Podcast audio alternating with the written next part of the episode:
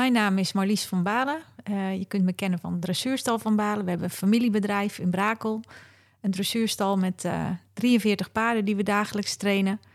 Uh, ik zelf ben actief in, in de internationale sport. Ik zit momenteel met twee paarden in het B-kader van de Grand Prix Go Legend, DVB en Habibi DVB. En ja, we zijn op weg naar, in een lekker seizoen, moet ik zeggen. Ik ben moeder van Feline van vijf. En ja, gelukkig getrouwd in Brakel.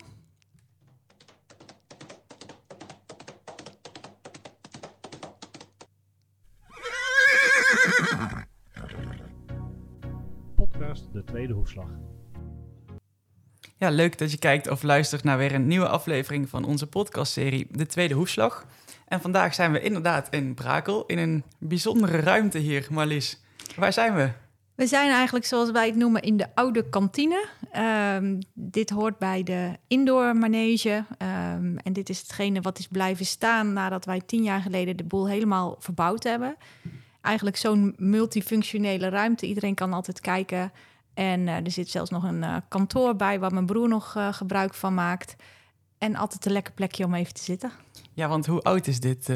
Ja, oeh, ik ben altijd slecht in data. Maar ja, dit, dit, dit is eigenlijk een van de eerste dingen die mijn ouders hier hebben gebouwd. Ze zijn hier begonnen met een melkveehouderij waar steeds een beetje verbouwd werd naar de paarden toe. Uh, en in de eerste jaren was er natuurlijk geen binnenmanege. Dus toen uh, werd er heel vaak met de trailer op en neer gereden naar Van Tuil toen nog. En dus het eerste wat gespaard werd, dat was voor de binnenmanege. Ja. Nog voordat er een huis kwam, want ze woonden in de tijd in een staakerven. En daar hoorde deze kantine toen ook al bij. Dus ja, die, die bestaat echt al lang. Ja, en mooi aangekleed. Ehm, de, de kijker van, van de podcast die, die kan het een en ander zien. Maar degene die het luistert, wat, wat zien we hier allemaal? Ja, echt een beetje historie. Heel veel goedgekeurde hengsten die uh, mijn moeder vroeger ook nog heeft gereden. En uh, ja, die daarna nog bijvoorbeeld ook met andere stal-Amazones, Nathalie Smeets, Leida Collins, die iedereen ook kent. Um, ja, veel kampioenschappen van mij uit de jeugd. Dus ja, beetje geschiedenis. Ja, achter jou ook nog mooie foto's en ja, prijzen. Ja. Waar ben je nou echt trots op? Wat hier, wat hier tussen zit? Ja, dat is toch wel veel. Dat, dat is voornamelijk ook wel uh, um, de hele weg. Die uh, ja, niet alleen ik, maar eigenlijk wij als, als hele familie uh, hebben bewandeld. En waarin we altijd proberen om ja, paarden te fokken, op te leiden, ze uit te brengen op de wedstrijden. En ja, wat daar allemaal niet bij komt kijken. En dat daar deze resultaten uit zijn voortgevloeid. Um, ja, voor de stal en voor mezelf daar ben ik heel trots op. Ja, dat snap ik helemaal. Want het begin van die weg, weet jij nog jouw eerste ontmoeting met een paard? Nou ja, de eerste ontmoeting met een paard, dat was uiteraard heel vroeg. Omdat uh, ja, ik ben geboren tussen de paarden. Uh, mijn ouders die hadden toen al heel veel paarden. Dus dat weet ik niet meer erg. Maar ik weet wel, uh, toen ik mijn eerste pony kreeg, uh, Anjonette was dat. Dat is een moment dat staat echt in mijn geheugen gegrift. Ehm, dus ja, je hebt natuurlijk momenten die je weet uit... Uh, maar dat was vroeg, dat was toen ik vier, vier jaar was. Oh ja, wat, ja. wat was dat voor pony? Ja, een hele knappe. Uh, een welspony, uh, een bruine met een mooi kolletje. Uh, ja, een hele mooie pony om te zien. mijn moeder die had haar gezien hier ergens in de buurt. Maar het bleek dat ze wel tijdens het rijden behoorlijk fanatiek was. Ze ging eigenlijk altijd standaard iets harder dan ik wilde. Dus op een gegeven moment toen, toen werd ik er een beetje bang van. En toen zijn we eerst heel lang naar de manege geweest. Vond ik ook super leuk en heel veel vertrouwen van gekregen. En daarna weer op die pony. En ja, toen, toen was ik natuurlijk wat ouder en toen vond ik het super leuk. Ja. En wat staat je dan bijvoorbeeld nog bij van dat moment dat je die, die pony voor het eerst ontmoette? Of misschien niet die dag, maar überhaupt die, die eerste tijd? Ja, het hebben van een, van een eigen pony natuurlijk. Hè. Dat, ik weet ook nog dat, ja, hoe ze eruit zag en dat eerste gevoel wat je erbij kreeg. En ja, het plezier wat je er later natuurlijk van hebt gehad. Is dat anders dan een hond of kat? Ja, dat denk ik wel. Ja, kijk, ik ben natuurlijk opgegroeid tussen de dieren. Ook ja, allerlei dieren. Um, Maar een paard is natuurlijk anders. Dat, eh, dat is natuurlijk waar je iedere dag op rijdt of verzorgt of eh, de ja, beweging geeft. En dat is natuurlijk eh, bij de andere dieren natuurlijk ietsjes anders. Ja, hoe zag jouw jeugd eruit? Want hebben natuurlijk allemaal wel, misschien wel een beetje een beeld. Je bent eh, bijvoorbeeld de dochter van een Kobe van Balen. Dus dan kun je misschien wel een beetje invullen. Maar hoe, hoe heb jij dat ervaren? Ja, voor mij uh, was natuurlijk de, de, jeugd inderdaad doordrenkt van, uh, van paarden. Uh, ik vond dat ook zelf superleuk. Mijn broer bijvoorbeeld, die, die heeft vroeger ook wel even gereden. Maar ja, het was niet zijn ding. Die is heel iets anders gaan doen. Uh, dus het was ook niet zo dat dat, uh, dat, dat werd opgelegd of zo. Maar het, uh, ik vond het gewoon superleuk. Ik vond het ook heel erg leuk om altijd al mee te gaan. Dat zie ik nu met mijn eigen dochter ook. Die vindt het ook leuk om ja, mee te gaan op wedstrijden. En dan zodoende leer je natuurlijk ook al een heleboel... door te kijken en door te helpen en door de sfeer te proeven. En het is bij mij eigenlijk ook ja, allemaal toch geleidelijk aangegaan. En vanaf de ponies naar de junioren jongrijders... het hele traject... En uh, ja, wat, wat ik nu ook zie bij de jeugd die wij hier uh, begeleiden, dat paarden erg goed zijn voor je, ja, voor je, voor je opvoeding eigenlijk, voor, voor het volwassen worden. En um, heel, ja, je hebt heel veel liefde voor het paard. En um, je daar krijgt er gewoon ook echt veel discipline van. Van het, ja, het trainen. Uh, het omgaan met, met successen, maar ook zeker tegenslagen.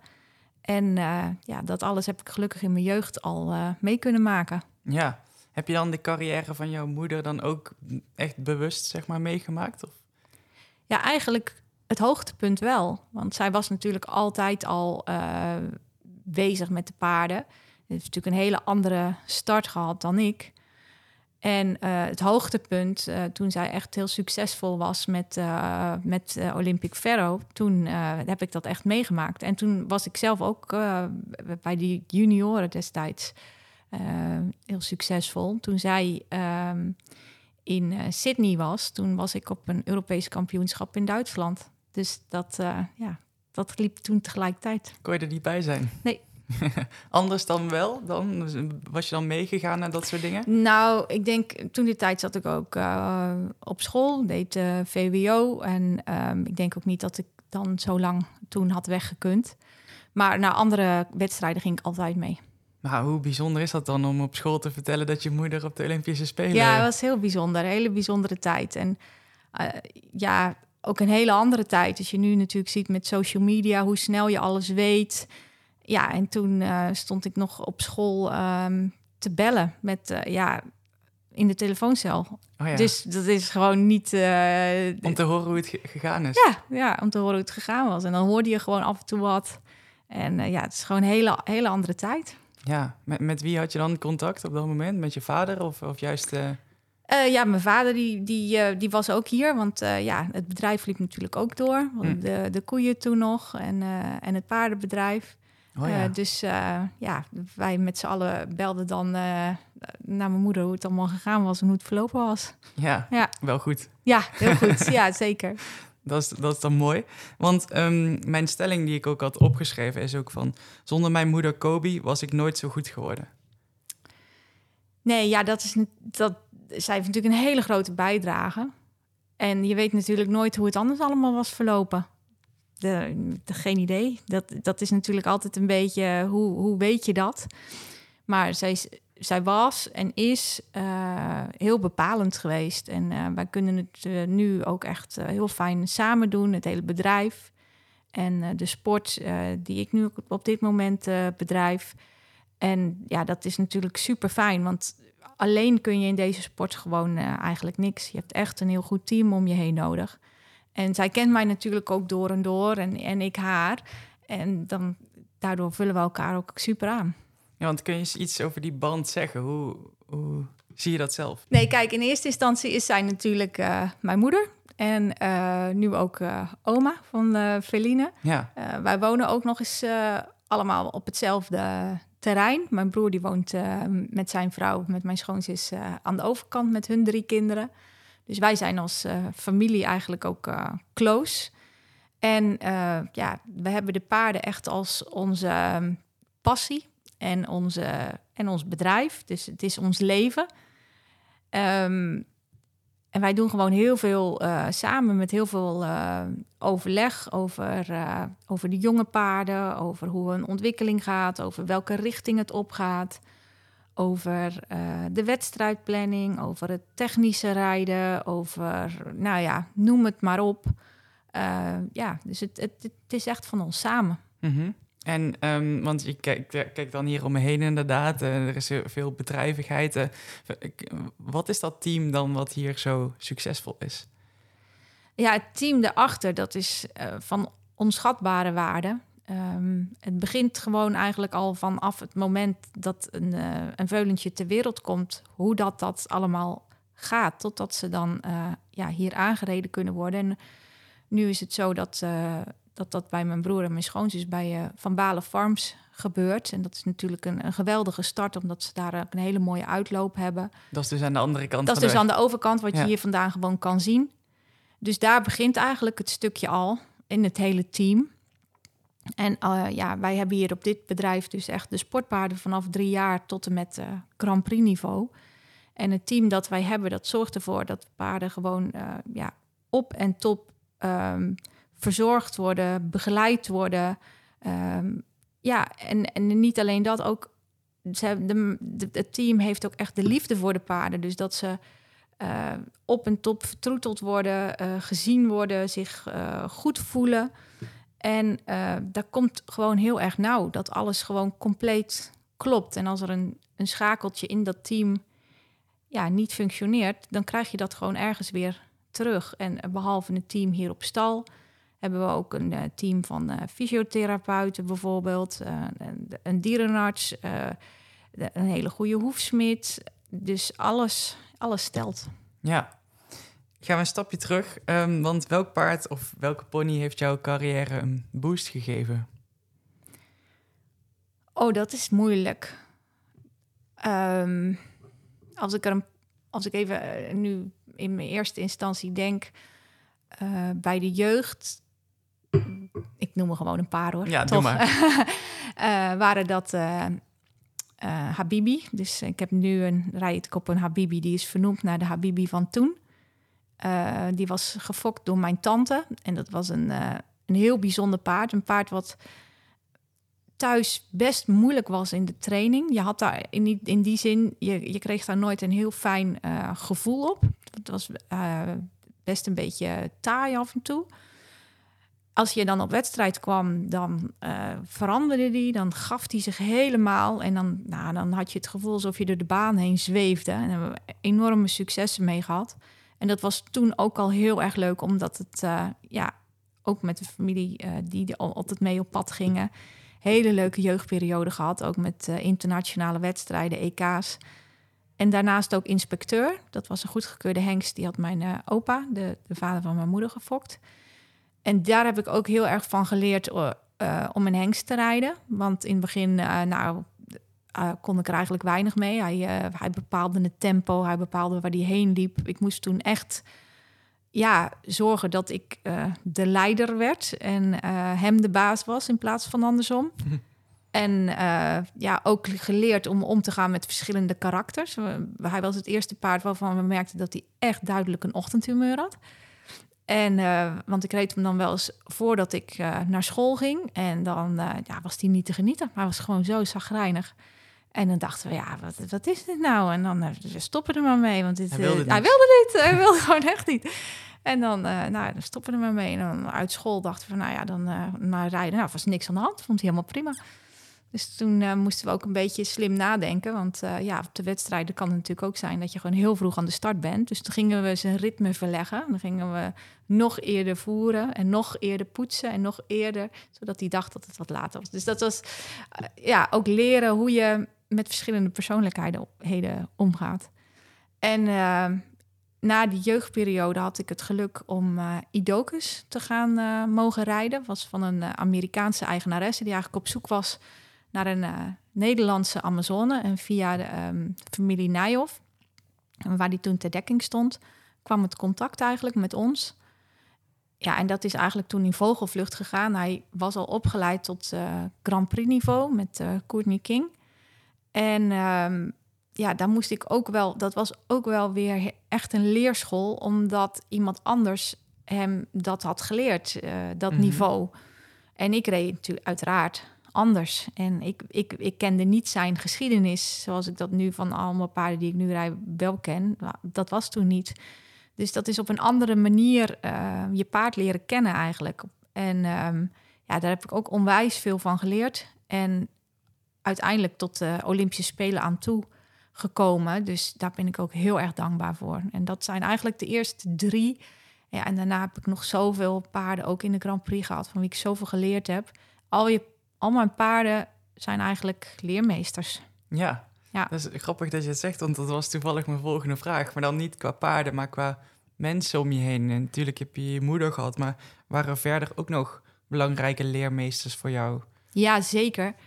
Het was ook eigenlijk altijd bij ons dat ik ehm, eh, nooit alleen eh, training van mijn moeder had, maar ook altijd van iemand eh, daarnaast, tot op de dag van vandaag. En in het begin was dat bijvoorbeeld Jo Willems. Dat was Mhm. toen de bondscoach bij de ponies. Daar gingen we dan ook iedere week naartoe. En, en daarna was dat ehm, bijvoorbeeld ehm, Jurgen Koschel, die bondscoach was. En ik heb heel veel geleerd van eh, Johan Hieneman. Daar eh, ben ik intern geweest en heb mijn opleiding daar gedaan tot eh bereiter in Mhm. Warendorf Duitsland. in Duitsland. En ja, van hem vooral heb ik ja, heel veel geleerd. Echt over ja, de theorie eigenlijk achter het rijden. En ja, hoe je dingen benoemt, hoe dingen eruit moeten zien. En ook het management op stal. Ehm, ja, veel nationaliteiten waren er daar destijds. Eh, veel Amerikanen, of mensen van de hele wereld. Eh, veel wedstrijden gereden, ook in Duitsland. Ehm, ja, daar ben ik hem. daarvoor gekozen? Ehm, ik wist eigenlijk nog niet direct na mijn middelbare school eh, wat ik zou gaan doen. Ik wilde eigenlijk ook wel eh, gaan studeren. Misschien iets met een taal of eh, de economiekant. En ehm, ja, ik wist nog niet precies welke kant dat ik op wilde. En toen kwam dat eigenlijk ook als, als optie. eh, waarvan je kunt denken, ja, het is ook is ergens ook een studie. En ik wilde ook gewoon heel graag verder eh, met het rijden. En eh, ik dacht, nou, ik kan dat gaan proberen. Als ik het eh, niet leuk vind, dan ga ik weer ga ik wat anders doen. Maar ik vond het eh, fantastisch. Dus daar heb ik ook eh, ja, gigantisch veel geleerd, waar ik eigenlijk nog elke dag plezier van heb. En zo zijn er daarna, ehm, ja, eh, bij Chef Jansen heb ik eh, getraind.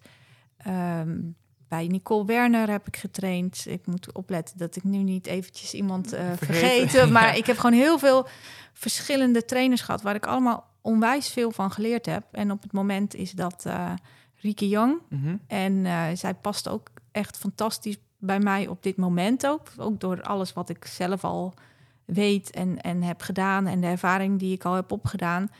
En ehm, ja, zij kan me ook op wedstrijden fantastisch begeleiden...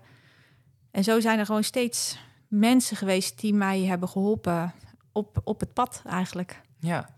Hoe lang train je nu met Ricky? Eh, ik denk eh, anderhalf jaar. En dat bevalt dus goed. Ja, heel goed. Heel, eh, heel fanatiek persoon. Heel recht door zee. Heel veel ervaring met allerlei paarden. En ja, heel gedreven. En eh, sluit heel goed aan bij ons. Dus eh, het is ook erg leuk. Want we kennen Ricky van iets anders, denk ik, hè? Niet van dressuur trainen. Nou, inmiddels wel. Want Ja. inmiddels traint ze heel veel eh dressuurcombinaties. En oorspronkelijk komt ze natuurlijk uit de reining. Mhm. Is de hele bekende Amazone. Ehm, maar ja, zo zie je maar dat goed paardrijden eh, is niet per se afhankelijk eh, van de discipline. Want zij heeft gewoon een fantastisch oog eh, voor een dressuurcombinatie. Heb je dat wel eens gedaan, raining? Nog niet, maar dat moet er natuurlijk wel een keer voorkomen. Ja, dat, dat hoort er dan Ja, bij ja, natuurlijk. Oké. Ehm, ja, je had het net al natuurlijk over het paard... waarmee je uiteindelijk dan ook Olympische Spelen haalde. Ehm, mijn stelling is, de wereld lag in 2004 aan mijn voeten. Oeh, ja. Ja, eigenlijk wel een beetje. Hè? Kijk, als je 24 bent, was ik toen... en vanuit de jeugd eh, toch gelijk mee mag naar eh, zo'n groot kampioenschap... ja, dat besef je eigenlijk achteraf pas. eh, hoe bijzonder dat op dat moment is. Dus ja, zeker. Ja, want kun, kun je eens vertellen hoe jij er toen voor stond als 24-jarige ten opzichte van nu misschien? Ja, um, ik kwam natuurlijk uit een, uh, uit, een, uh, uit een jeugdperiode. Elk jaar kampioenschappen gereden, negen keer, pony junioren jongrijders.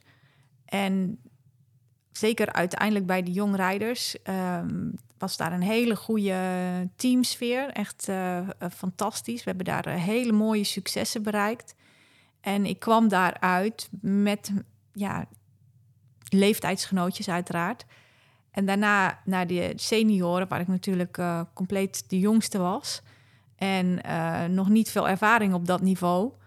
En daar heb ik me wel weer uiteindelijk mijn plekje moeten vinden. En dat, dat was in dat jaar nog niet direct aan de orde. Dus dat heb ik ja, pas door de jaren heen. Uh, ja, moet je eigenlijk ook weer gewoon je plek veroveren. Mm -hmm. ja, ja, want um, als je dan nu zegt dressuurteam Olympische Spelen 24 jaar, dan denk ik dat je zegt, wow, dat is wel jong, of niet? Ja, en dan zeker ook uh, voor, de, voor de dressuursport. In andere sporten is dat denk ik ook nee. wel anders. Mm -hmm. Maar bij ons kost het ook gewoon heel veel tijd uh, tot je dat zelf ook allemaal onder de knie hebt en tot je al die ervaringen hebt.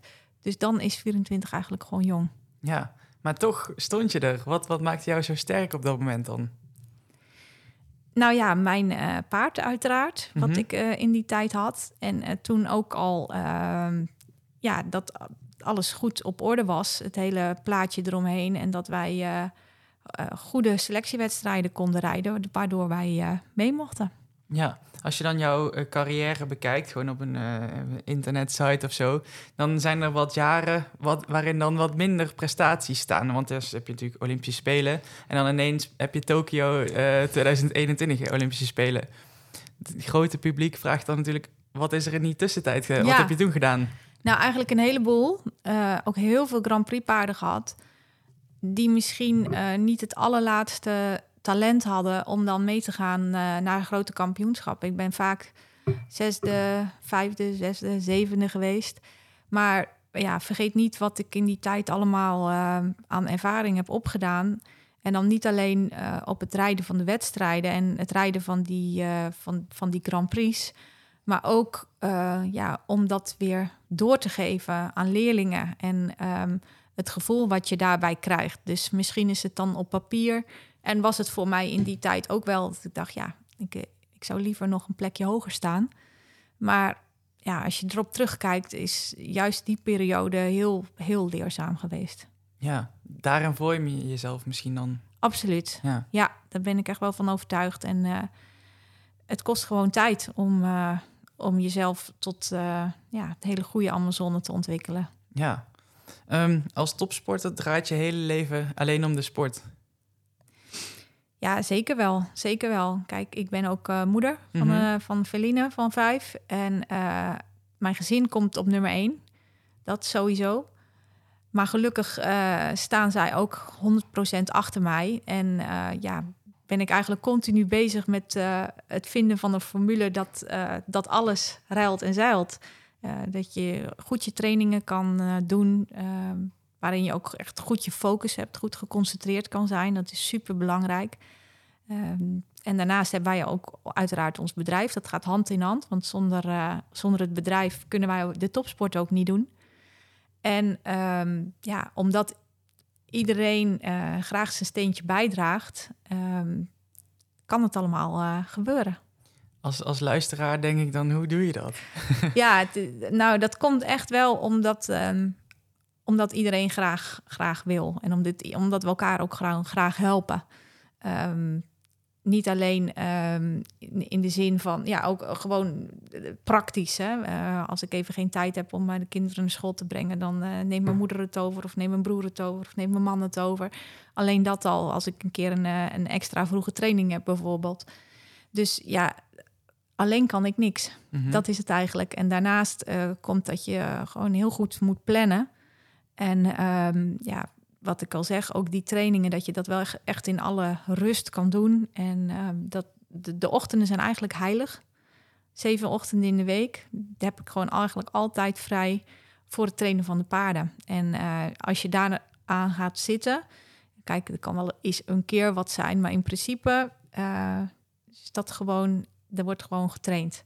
En daarnaast komen alle andere zaken. En daardoor uh, ja, kunnen we ook gewoon heel veel paarden opleiden. Hoe laat gaat die wekker? Half zes. Half zes. Vijf uur dertig. Vijf uur dertig, ja. Maar hij gaat, nou ja, hij gaat, maar uh, ja, ik heb eigenlijk, uh, ik word eigenlijk automatisch uh, wakker. zit in het systeem. Oh, dus ook niet snoezen of ook zo? Ook niet snoezen, nee. Nee. En dan heb je dan zeg maar eventjes tijd nodig om op te starten of sta je dan meteen aan? Uh, ja, ik sta wel gelijk aan, maar uh, ja, ik heb wel gewoon mijn, uh, mijn, mijn ochtendrituelen.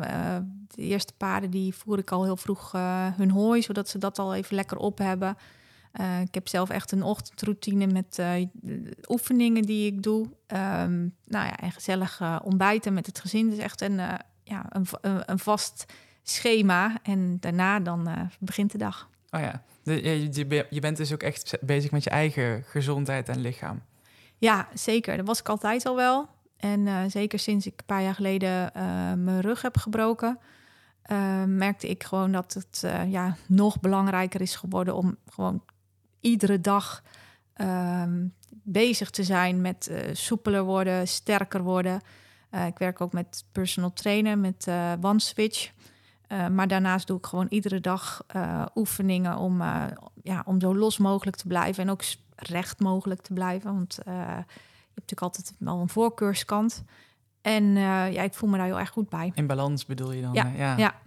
ja. En die personal training, is dat leuk?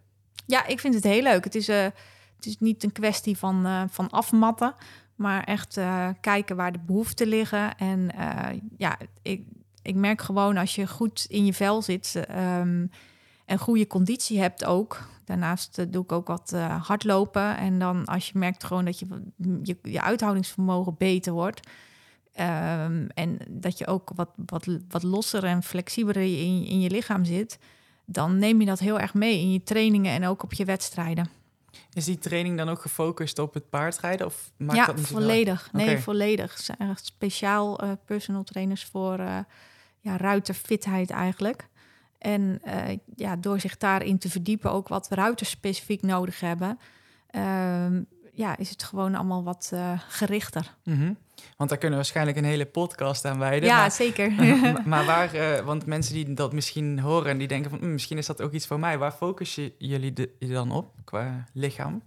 Nou ja, zij kijken natuurlijk heel erg naar hoe je houding is in het zadel en hoe je dus bij eigenlijk urenlang uh, per dag in het zadel zitten. En wat daarvoor nodig is om dat in balans te houden en om uh, uh, losser te worden. En wat je, ik zelf in dit geval, kijk eens ook de video's terug, wat je dan specifiek nodig hebt. Of waar je dan op dat moment misschien even last van hebt. Of wat de geschiedenis is, in dit geval met mijn rug. Dus ja, kun je heel specifiek eigenlijk programma's voor maken. Jij kan het aanbevelen. Ja, dus, zeker. ja, ja, ja. Um, is topsport haalbaar voor de gewone mens? Ja, dat hebben heel veel mensen bewezen. Um, juist eigenlijk uh, door je... Dat, ik, kan natuurlijk heel veel voorbeelden noemen. Um, noem een, een, een Hans-Peter of uh, Dinja... die eigenlijk zijn begonnen zonder ouders met paarden... of zonder een bedrijf... die zich echt heel erg hebben opgewerkt om uiteindelijk in de topsport te komen. Dus uh, het, is gewoon zo. Het is bewezen. En zo zijn er in de springsport natuurlijk voorbeelden. En ook is het zo dat uh, ook al heb je uh, ouders die paarden hebben, dan nog moet jij het uiteindelijk zelf doen. Je moet je eigen pad bewandelen. En ehm, het is misschien wel makkelijker, maar ehm, ja, jij bent degene die het uiteindelijk moet doen. Ja, schoot me trouwens nog wat te binnen, want we hadden het natuurlijk over fysiek uh, sterk worden. Maar hoe, hoe word je eigenlijk mentaal sterk? Of hoe hou je dat, zeg maar, in bedwang, zeg maar? En dat heeft ook een beetje met dat fysieke te maken. Mm -hmm. uh, merk als je je fysiek beter voelt, dan werkt dat door naar mentaal en andersom. En uh, ja, ik heb ook heel veel trainingen gehad. Uh, mentale trainingen, heel veel boeken erover gelezen. En um, Uit interesse? Of? Ja, uit interesse. Ook, en ook om uh, als coach zijnde, dus ook als zelf uh, als sporter zijnde, maar ook als coach zijnde. Omdat je natuurlijk ook met heel veel verschillende pupillen te maken hebt, die ook allemaal hun eigen behoeftes hebben. En heel interessant over hoe moet je de ene aanvliegen en hoe de ander. Dat kan gewoon heel verschillend zijn. En ja, ik denk dat ik daar gewoon ja, toch een goede basis heb gelegd waar ik nu van kan profiteren eigenlijk. Waarschijnlijk is het, uh, overval ik je met de vraag, maar heb je bijvoorbeeld van waar je denkt, oh die, die boeken die staan me nog bij, die kan ik zeg maar wel aanraden als je daarin geïnteresseerd bent om te lezen daarover? Daar kom ik op terug. Oké, oké. ja, ik weet zo even niet uit mijn hoofd. Nee, maar, dat dacht uh, ik al. Ja, ja. ja. Maar dat is, is wel interessant natuurlijk, want vaak zeggen trainers ook van als je inderdaad mentaal fit bent, dan kun je zeg maar de prestaties zeg maar in de ring of in een voetbalveld of zo, dat gaat dan ook veel makkelijker. Het is mega belangrijk. Mega belangrijk dat je ja, je hoofd ook eigenlijk uh, leeg hebt, Mhm. überhaupt. Hè. Dan, uh, we hebben natuurlijk uh, ja, de drukte hier van het bedrijf. En als je eenmaal op die wedstrijd bent, dan ben je daar. En dan moet je daar presteren. En dan is het eventjes hier loslaten. Echt alleen maar focussen op het paard en op goed paardrijden. En ik moet zeggen, uh, Ricky die, uh, die helpt daar ook heel erg in mee. Doordat zij ook op een concours altijd uh, heel nuchter is. En ook gewoon altijd bezig zijn met goed paardrijden. En niet met de uitslag of de uitkomst. Want dat, dat weet je niet. Mm-hmm. Maar ja, echt gaan met die banaan. Dood of de gladiolen, huppakee. En lekker nuchter en lekker blijven rijden. En dat, dat helpt ook enorm. Ja, want als je bijvoorbeeld inderdaad wat je zegt, hier heb je dan nog een bedrijf waar, waar, dan van alles gebeurt en daar ben je misschien in je hoofd mee bezig. Van oh, dan moet misschien nog dit besteld worden en uh, nog dat gedaan worden. Ja. Misschien spelen dan soms ook nog privé dingetjes en je moet toch presteren. Ja, ja ik heb wel daarin voor mezelf een, een, een, soort routine om van tevoren echt heel veel af te werken, zeg maar. Zodat er zo weinig mogelijk op, uh, op de to-do-lijst staat. Mm. Dat dat überhaupt al allemaal weggestreept is. En dan heb ik natuurlijk het geluk dat we hier een fantastisch team hebben. Uh, met de geweldige stalruiter uh, Jos Hogendoren. En op kantoor Marcella de Ronde. Die zijn er al jaren. En ja, dan weet je ook gewoon... Ook al is er thuis iets, het wordt opgevangen, het wordt opgelost. En over een paar dagen zijn we weer thuis. Maar die rust die moet je wel hebben, want anders dan ben je met je hoofd ergens anders. En je moet echt paarden die kunnen, ja, elk moment kan er weer iets anders aan de hand zijn. Je moet gewoon full focus bij je paard blijven. Ja. Als topsporter moet je keihard zijn. Het draait niet om vrienden maken. Ja, je moet uiteraard wel, uh, wel hard zijn. Ik denk niet dat ik uh, uh, keihard ben zelf. er zijn natuurlijk ook heel veel verschillende persoonlijkheden die um, heel goed in de topsport zijn geworden.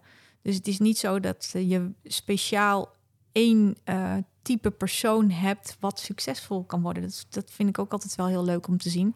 Net als dat je ruiters en amazones hebt die succesvol zijn, die allerlei ja, verschil, verschil in grootte, verschil in in in in, in vorm. Nou ja, wacht even, dit dit gaat allerlei even, verschillende ja, soorten ja, mensen. Allerlei verschillende soorten mensen. Ja. Um, maar waar waren we nu ook alweer? Nou, dat als je als topsporter moet je dan juist keihard oh, ja, zijn. Of je als ja, topsporter keihard moet zijn. Want het draait niet om vrienden maken. Nee, nee, nee, uiteraard draait het niet om vrienden maken. Uh, maar het draait er wel om dat jij zo goed mogelijk bent uh, met jouw paard. En ja, als je echt heel erg goed wordt, dan heb je misschien ook wat minder vrienden. Of misschien uh, wat meer vrienden die misschien achteraf niet echt vrienden zijn. Dat zijn allemaal dingen die erbij komen. Uh, die je nu ook terugziet bij de jeugd, waar iedereen dan weer mee moet leren omgaan. Maar uiteindelijk blijft er altijd de vaste kern over die, uh, die waardevol is voor jou. Is dat lastig? Want um, de dressuurwereld staat misschien toch wel een beetje bekend om hè, jury sport. Dus ja, je wilt dan ook zeg maar dat mensen goed over je denken. Denk dat het allemaal mee, mee kan spelen. Of kan je dat wel loslaten? Ja, ik denk dat je uiteindelijk het echt voor jezelf moet doen. Mhm. En um, dat je dat inderdaad wel uh, los moet kunnen laten. Dat je, jij bent bezig met jouw paard. Je bent misschien bezig met je opleiding van je paard. En uh, daar gaat het om. En dan, ja, de hele buitenwereld, die hebben toch wel een mening. Misschien positief, misschien negatief. Geen idee. Ja. Waar heb je de positiefste ervaringen of herinneringen aan, moet ik zo zeggen? Ehm, Athene 2004 of Tokio 2021?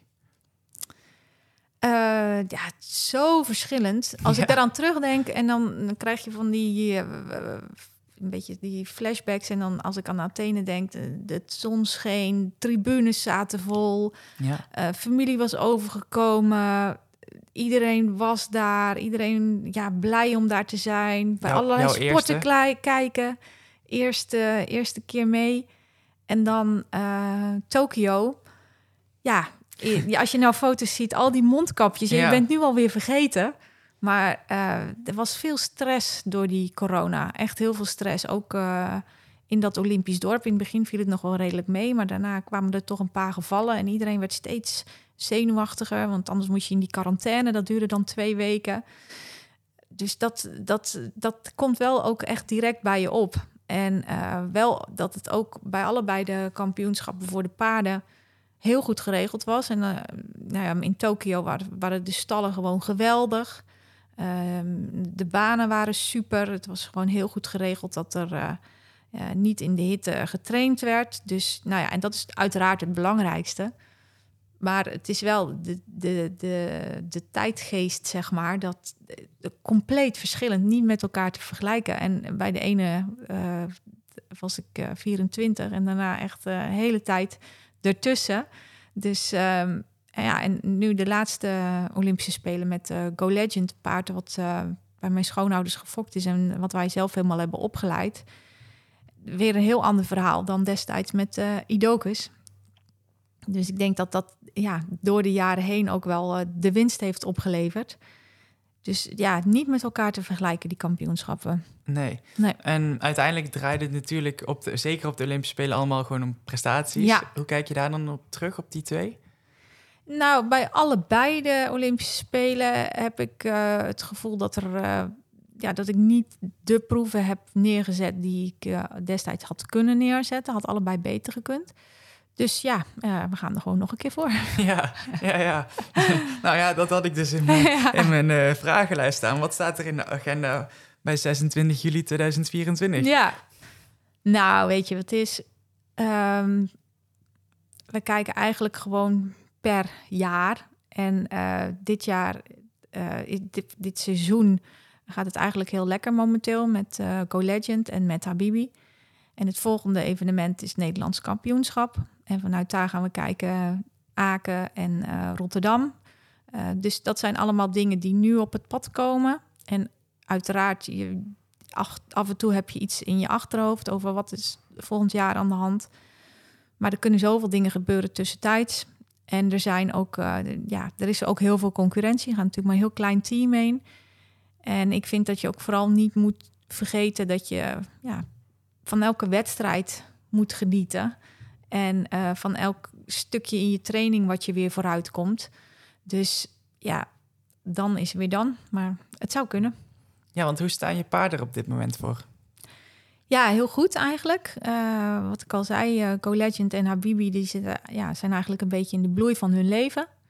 En ehm, het is natuurlijk heel fijn om nu twee Grand Prix paarden te hebben. Want dan kun je ook eh, ja, een beetje afwisselen met de Mhm. wedstrijden.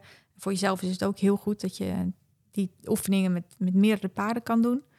En eh, ja, ik heb ook hele leuke aanwas weer. Dus eh, ja, dat gaat goed. En Go Legend ten opzichte van inderdaad Tokio? Ja, de, hij heeft eigenlijk eh, vorig jaar een, eh, was hij een lange tijd niet fit. Nee. En ik heb hem nu onlangs weer eh, in Exlo voor de eerste keer gestart. Hij is weer topfit en hij heeft er ook heel veel zin in.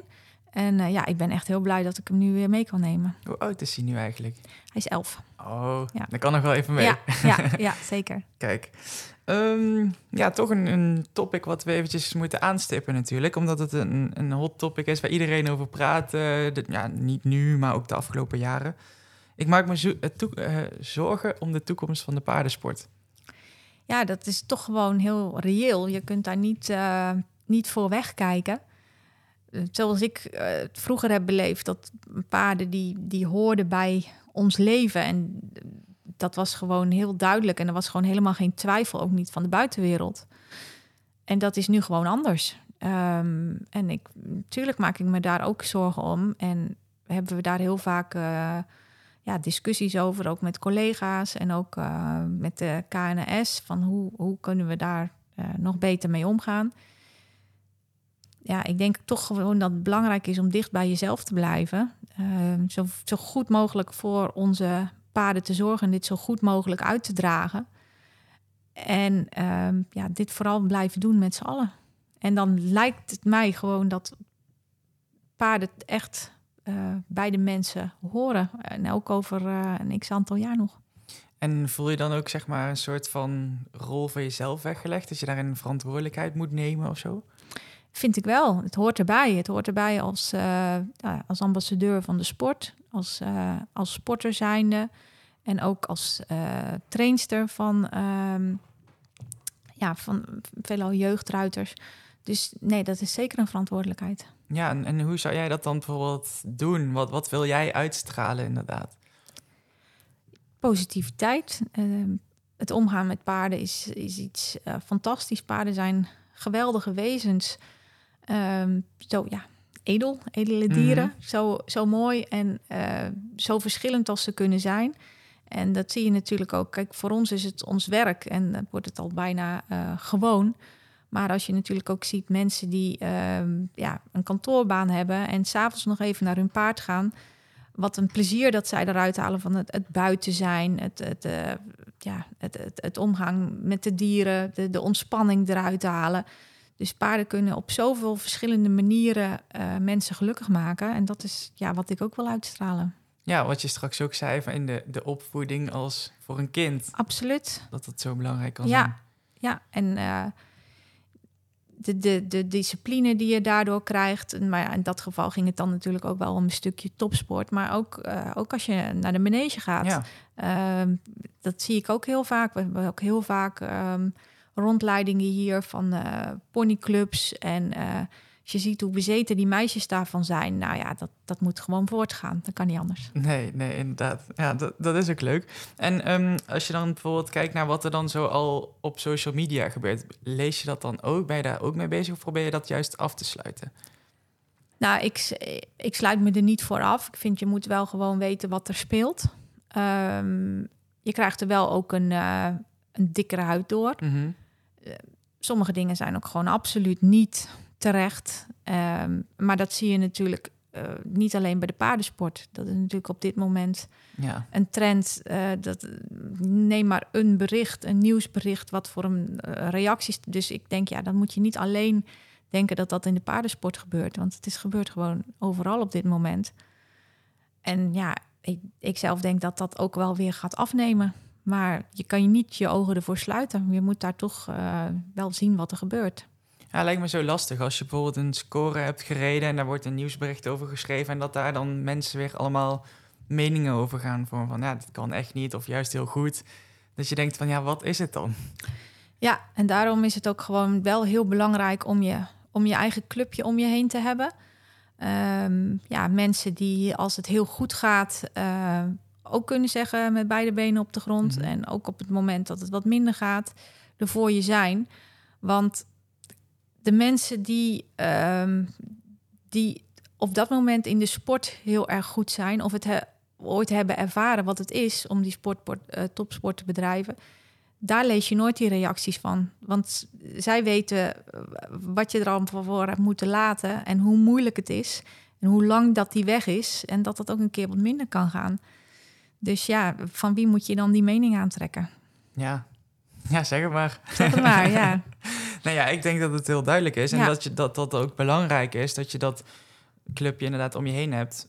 Maar dat je ook zorgt dat je dan, zeg maar, als, als je, dat ze ook zeggen dat als iets niet goed is. Absoluut. Nee, natuurlijk. Je moet, uh, je moet wel open blijven staan natuurlijk voor een kritische noot. Ja, Um, maar die, die moeten wel uh, gegrond zijn. Wel van iemand die, uh, ja, die er verstand van heeft en die er, uh, waar je dan echt wat aan kan hebben. Die kan je natuurlijk niet van de hele wereld wat gaan aantrekken, want dan blijf je zelf nergens. nee. Wat is jouw ultieme toekomstdroom? Nou, die leef ik al. Ja, nee, ik ben eh, eigenlijk echt Dat was een snel antwoord. Ja, zeker. zeker ja. Eh, Kijk, dat is net als met de Olympische Spelen. Dat is ook weer in de toekomst. En wat is je toekomstdroom? Ik leef mijn droom. Ik eh, zit hier op een prachtige plek. Eh, hier in de, in de Bommelerwaard hebben we een prachtige stal. Eh, we zitten tussen de dieren. Ik, de familie is om mij heen. We zijn gezond, even afkloppen. En ja, we leven ons ja, met onze passie. En daar geniet ik gewoon iedere dag van. En het is niet alleen grote wedstrijden en kampioenschappen. Maar bijvoorbeeld vanochtend had ik voor het eerst n- eh, elf wissels om de pas met eh, Jalila. En dan eh, ja, daar word ik gewoon super blij van. En zo zijn er elke keer kleine dingetjes waar je dan ook je geluk uithaalt. En dus ja, dat plaatje. Ja, want ik kan me voorstellen, je zegt inderdaad, ik woon hier super mooi. Als je hier aankomt rijden, zie je die paardenkudde al staan, zeg maar. Staan allemaal met elkaar. En zijn ook blij, zo ogen ze. En dat hoort hier allemaal bij, toch? Dat hoort hier allemaal bij, omdat we nu eh, natuurlijk inderdaad eh, de, de Van Balen Farms tegenover ons hebben. En we hebben gelukkig heel veel eh, land wat om ons heen ligt. Waardoor dat ze in de zomer ook gewoon ja, hier naar buiten kunnen. Ja, dat is natuurlijk een prachtig gezicht. En ja, heel leuk om te zien dat die paarden, hoe, hoe dat ze het dadelijk gaan doen Ja. in de sport weer. Ja, want ik zag het eh, vanuit de auto, maar die zagen er ook nog niet eh, heel oud uit, hè? Nee, nee, nee. Die zijn eh, ja, echt van, van veulen tot, tot 2,5 eh, staan ze hier in de opfok. Oh ja, en, en, en dan gaan ze dan naar jou toe? Of hoe, hoe gaat dat dan verder? Ja, dat is heel verschillend, want er zijn natuurlijk heel veel paarden van klanten ook. Dus ja, sommige die nemen ze mee naar huis, andere gaan, eh, worden zadelmak gemaakt. En een heel groot gedeelte komt ook hier naartoe om aangereden te worden. En uiteraard onze eigen paarden. Ja, oké, cool. Ja, En ehm, de komende tijd, eh, je zei al, NK staat op het eh, programma. En verder? ja we gaan eerst nu eh, naar het Nederlands kampioenschap. En dat is natuurlijk al over twee weken. En daarna gaat eh, eh, de bondscoach Alex van Silvoud bekendmaken wie dat er naar CIO Rotterdam mogen. Mhm. en wie naar Aken. Dus twee weken achter elkaar. Dus dat, dat gaan we afwachten. En ehm, nou ja, daarna is nog een eh, laatste observatie in Kronenberg voor het EK in Riesenbeck. En dat is dan pas in september. Dus ja, het is nu eigenlijk eventjes ehm, eh, ja, afwachten hoe het eh, NK ook gaat verlopen voor de rest eh, van de zomerplanning. Volgens mij heb je er zin in. Ik heb heel veel zin in. Ja, dankjewel voor je tijd. Dankjewel. Leuk dat je keek of luisterde naar deze podcast. Vond je hem nou leuk? Abonneer dan op ons podcastkanaal en beluister ook onze andere podcasts. Weet je, op social media, het is zo makkelijk tegenwoordig om alles maar af te zeiken. En, en de ruiters zijn niet goed genoeg, de paarden zijn allemaal stom, juries kunnen er nooit wat van. Het is, weet je, het ligt altijd aan iedereen, zeg maar. En, en een heleboel mensen die kijken niet naar hunzelf. Maar, en, en dat vind ik soms, ja, daar heb ik soms dan moeite mee. Ja, de, de ochtend dat ik moet rijden, dan ben ik echt, eh, dan, dan wil je mij niet tegenkomen. Dan ben ik echt één wrak. Het zegt alleen maar, ik wil naar huis. Waarom doe ik dit? Ik vind het niet leuk. Eigenlijk mijn eerste reactie was nee, dat ga ik echt, echt niet doen. Waarom? Ja, omdat het natuurlijk zo eigenlijk toen, dacht ik toen, het tegenovergestelde was, hè, Rien en Edward. Het was zelfs zo, als ik naar school ging, al- middelbare school zat ik in Zeist. En dan kwam je op maandagmorgen op een gegeven moment op splitsing. En dan rechts was naar Zeist en links naar Utrecht. Dan ging ik naar Utrecht, naar de paardenmarkt. Dus dan spijbelde ik altijd op maandag tot natuurlijk de leraren begonnen te klagen. En dan zei ik tegen mijn vader en moeder, ik zeg, ja, ik kon er gewoon echt niks aan doen. Want mijn fiets ging gewoon die richting op. En zo voelde het gewoon voor mij. Dus Waarschijnlijk drukt hij me dan gewoon weg. hij heeft je nummer, hè? Dus, eh, Ja, daarom. Zo gauw die eh, mijn nummer ziet, dan is het eh, weg dat ding. ja. Je tot je 65ste doen wat je al 20 jaar gedaan hebt. Want ik zit al 20 jaar in dit bedrijf, bij wijze van spreken. Nou, volgens mij eh, Dit is een ander hoor.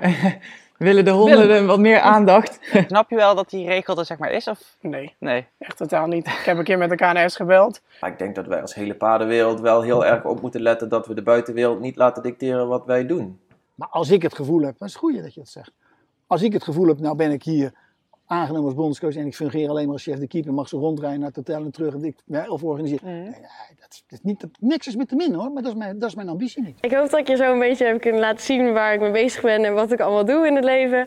En eh, ik hoop dat je het leuk vond om eh, te luisteren. In ieder geval hartstikke bedankt voor het luisteren en wie weet tot ziens. Bedankt voor het kijken of luisteren.